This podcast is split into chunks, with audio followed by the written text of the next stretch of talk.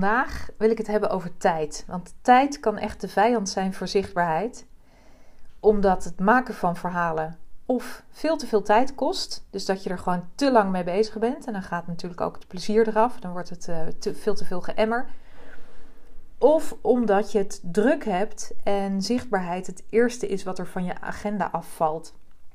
In deze podcast wil ik je een ander inzicht geven over uh, tijd. En wil ik laten zien waardoor je, nou, wat de redenen zijn waardoor het veel meer tijd kost dan nodig is. Um, maar eerst even dit. Um, zichtbaarheid heeft natuurlijk gewoon het nodig dat je meer dan eens voorbij komt en dat er een bepaald ritme in zit. Dat hebben mensen nodig om te gaan begrijpen wie jij bent, wat je doet, welke oplossingen jou geeft, wat, wat echt de kern is van jouw expertise, wat jouw visie is, voor wie je er bent. Uh, dat jij een leuk persoon bent. En dat, dat kun je niet in één keer neerzetten. Daarvoor zijn gewoon meerdere verhalen nodig. En het is goed om te weten dat er ook. Er zijn meer verhalen nodig om, om ja, ervoor te zorgen dat jij de veilige, betrouwbare en ook aanwezige expert bent in hun wereld. Het is ook goed om te weten dat het verderop in het proces juist heel veel tijd op kan leveren, goede zichtbaarheid. Want als je het goed aanpakt, als je goed zichtbaar bent, je de goede verhalen vertelt en vaak genoeg langskomt, dan um, heb je met potentiële klanten veel gerichtere gesprekken. Dan hoef je niks meer uit te leggen. Dan zijn mensen al overtuigd van dat jij de goede persoon bent, dat ze heel graag met jou willen werken. Um, dan komen ze met relevante vragen. Eh, bij je. En dan ga je dus ook geen tijd verdoen aan dus aftasten, uitleggen, overtuigen. Maar ook ehm, tijd en energie stoppen in verkeerde samenwerkingen die niet goede matches zijn. En dat ga je allemaal, hè, dat ga je allemaal voorkomen. Maar die tijdwinst die daar verderop in het proces zit, die voel je niet in het begin. Die voel je pas later in het proces.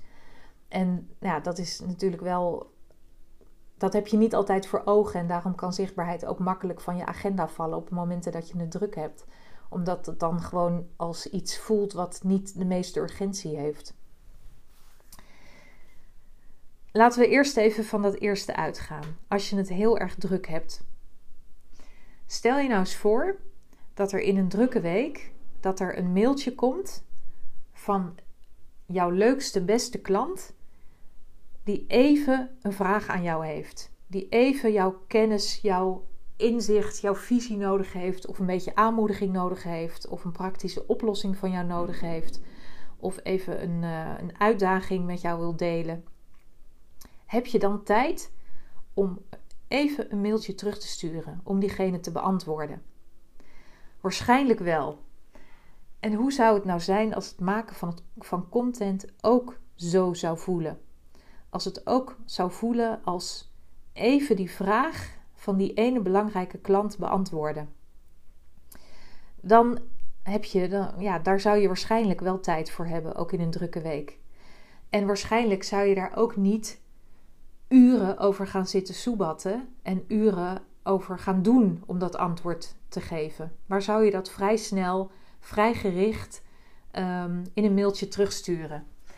En wat is, nou, wat is nou precies het verschil tussen dat mailtje, waar je dan wel tijd voor hebt, of een spraakberichtje, of weet ik veel, een, eh, een, eh, een videootje wat je maakt voor die klant? Waar zit nou het verschil in? Waarom kan je dat wel? En waarom uh, lukt die zichtbaarheid dan niet?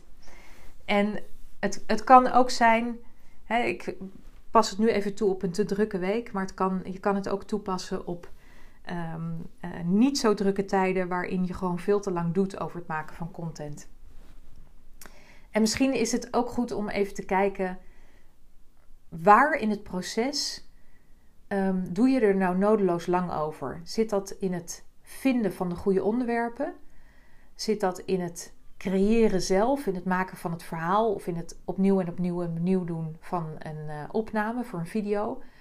Of is het misschien wel in dat laatste stuk dat je verhaal wel voor drie kwart bijvoorbeeld af is, maar dat je het net niet afmaakt, omdat je het bijvoorbeeld, omdat je toch, omdat twijfel toeslaat of het wel slim genoeg is, wel goed genoeg is, of omdat je er niet de goede foto bij kan vinden.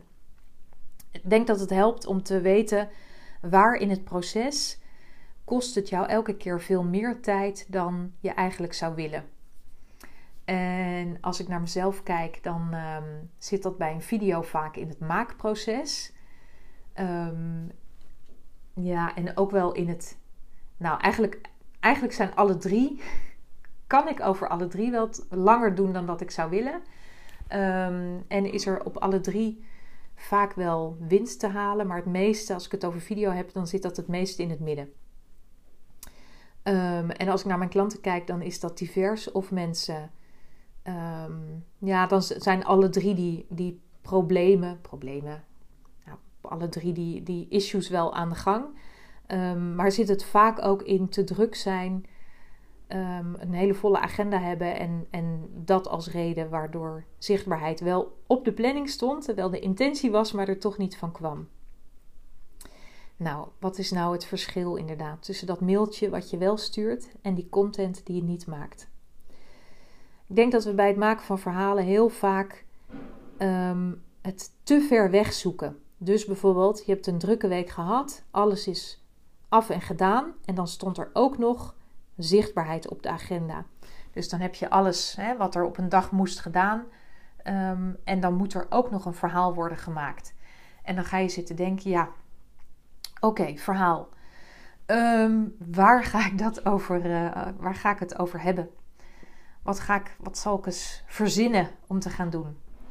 Terwijl je hoeft niks te verzinnen, want als je goed kijkt, dan is er op elke dag um, gebeurt er van alles, is er van alles in jouw agenda wat een aanleiding kan zijn voor, een verhaal, of wat inspiratie kan zijn voor een verhaal. Een gesprek met een klant wat je had, um, een vraag die je binnenkreeg, een gedachte die je zelf had, een inzicht dat je had, iets wat je hebt geleerd een discussie die je met iemand had, een overwinning ergens op. Ehm, ik had vanochtend een salesgesprek met een potentiële klant. En ehm, in zo'n gesprek kijk ik, ik kijk dan ook altijd even naar wat is iemands online presence eigenlijk, wat laat iemand zien en hè, waardoor, wat, wat zou er dan beter kunnen? Nou, in, in dat stuk wat zou er beter kunnen? Als ik na afloop van dat gesprek even een paar aantekeningen maak in een bestand met verhaalideeën, dan, zou, dan had ik daar zo drie verhalen, um, of dan kan ik daar zo drie verhalen uit halen. Omdat vaak wat, wat er bij de ene klant misgaat, nou, daar, iemand is niet uniek, dat gaat veel vaker mis bij, um, bij ook heel veel andere klanten. En als je dat dus koppelt, als je het verzinnen van ideeën koppelt aan jouw dagelijkse agenda, dan maak je het jezelf heel erg veel makkelijker. Dus Maak gewoon een bestand waarin je elke losse gedachte opschrijft, waarin je na afloop van een gesprek even een paar aantekeningen maakt of een notitieboekje of iets, eh, waar je op elk moment uit kunt putten. Want wat er vaak natuurlijk gebeurt, zo'n mailtje wat je krijgt van een ideale klant met even een, een, een, vraag, een hulpvraag, dat is een aanleiding. En bij het, maken van, bij het uh, werken aan je zichtbaarheid mis je vaak die aanleiding. En die moet je zelf gewoon een beetje creëren, dat haakje. Dat het niet iets blauw hinein is, maar dat je zelf even de aanleiding ervoor maakt. Omdat je gewoon één van die vragen, één van die aantekeningen die je hebt, eruit pikt. En met dat aan het werk gaat. Dus dan is het veel meer een proces van selecteren dan van vanuit het niks gaan bedenken wat het nu weer moet worden.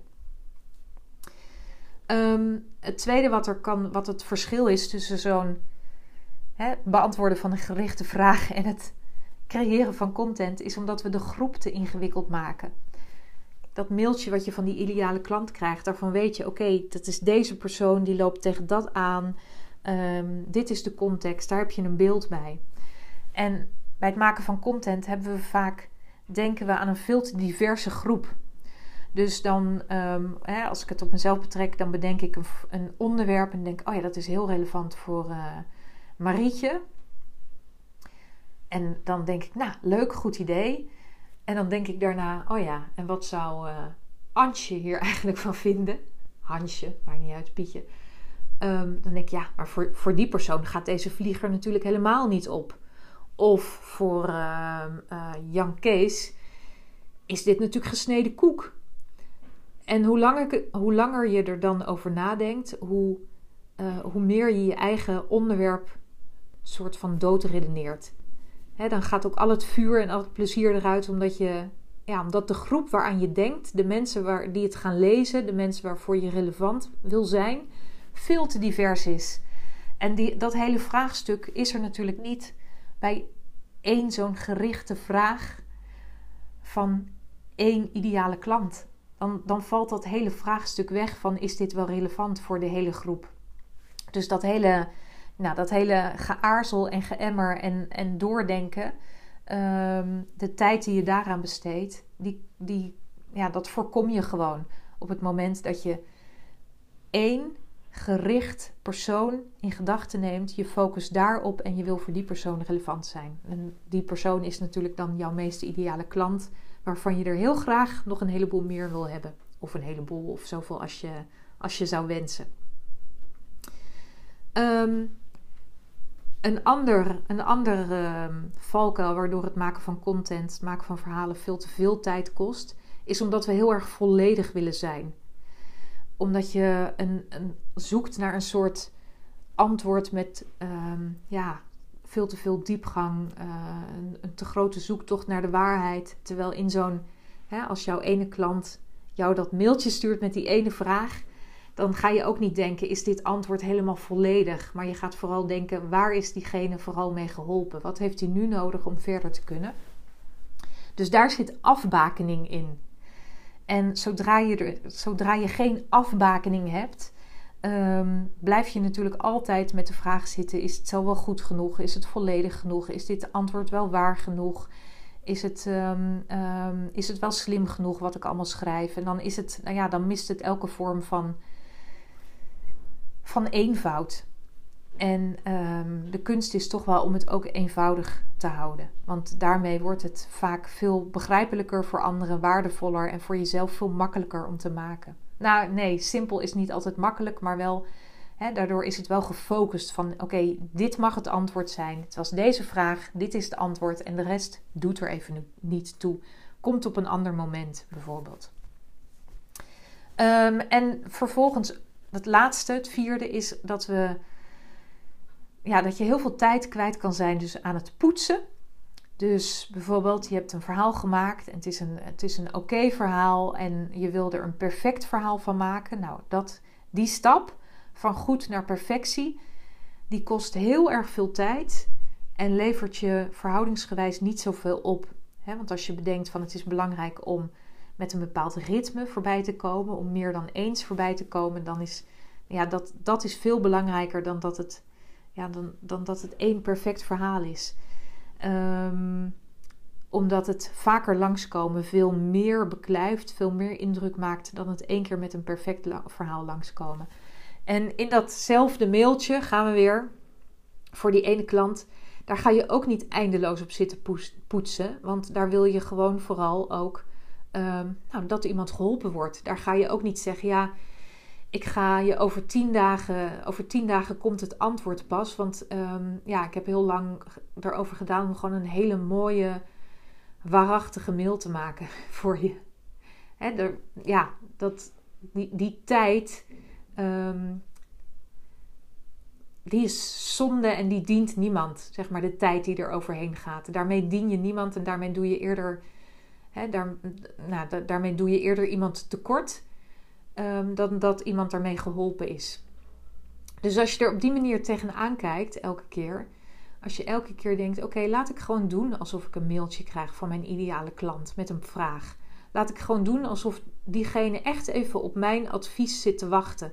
En laat ik dat verhaal maken en de wereld insturen. Dan hoeft het veel minder tijd te kosten.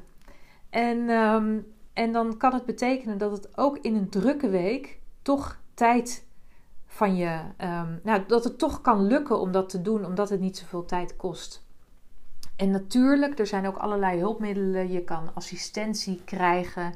Je kan hulp krijgen bij het um, plaatsen van die berichten van een, van, een, uh, van een VA of van je secretaresse of van iemand die je daarbij helpt. Um, je kan uh, planningstools gebruiken. Hè, maar het hele idee um, van waarom kost het zoveel tijd, dat, dat los je daar nog niet mee op. En ik hoop dat deze podcast daar wel een soort aanzet voor is om daar anders tegenaan te kijken. En om dus reëler te zijn in hoeveel tijd kost het je. Waar kost het je nodeloos veel tijd? En is dat wel echt nodig dat het je zoveel tijd kost? Of mag je het ook op, op een andere manier benaderen, namelijk de manier van: hey, ik krijg een mailtje van een klant, die wil ik even een stukje vooruit helpen. En, eh, en dat is gewoon, hè, dat is goed genoeg. Een simpel antwoord, niet volledig antwoord, maar een wel gefocust antwoord. Uh, wat echt relevant is voor die persoon. Ehm, dat is het. En ehm, nou, ik hoop dat dit je helpt. Ik ben benieuwd. Leuk om dat te horen. En ehm, misschien ga je dit wel toepassen en wil je me laten weten hoe dat werkt. ik weet dat tijd en zichtbaarheid, uh, ja, dat is wel een continue uitdaging. En het is ook niet zo dat als het de ene week lukt, dat het per se de andere week ook lukt. Maar ja, 24 uur in een dag is all we have. Dus we moeten daar wel Hè, als je het lastig vindt om de tijd te vinden voor zichtbaarheid, is er wel, ja, dan vergt dat misschien praktische oplossingen, maar ook zo'n oplossingen in hoe, ehm, welke plek geef je het eigenlijk en hoe pak je het precies aan. Nou, leuk om te horen. Dankjewel voor het luisteren en ehm, heel graag tot de volgende podcast. Bye!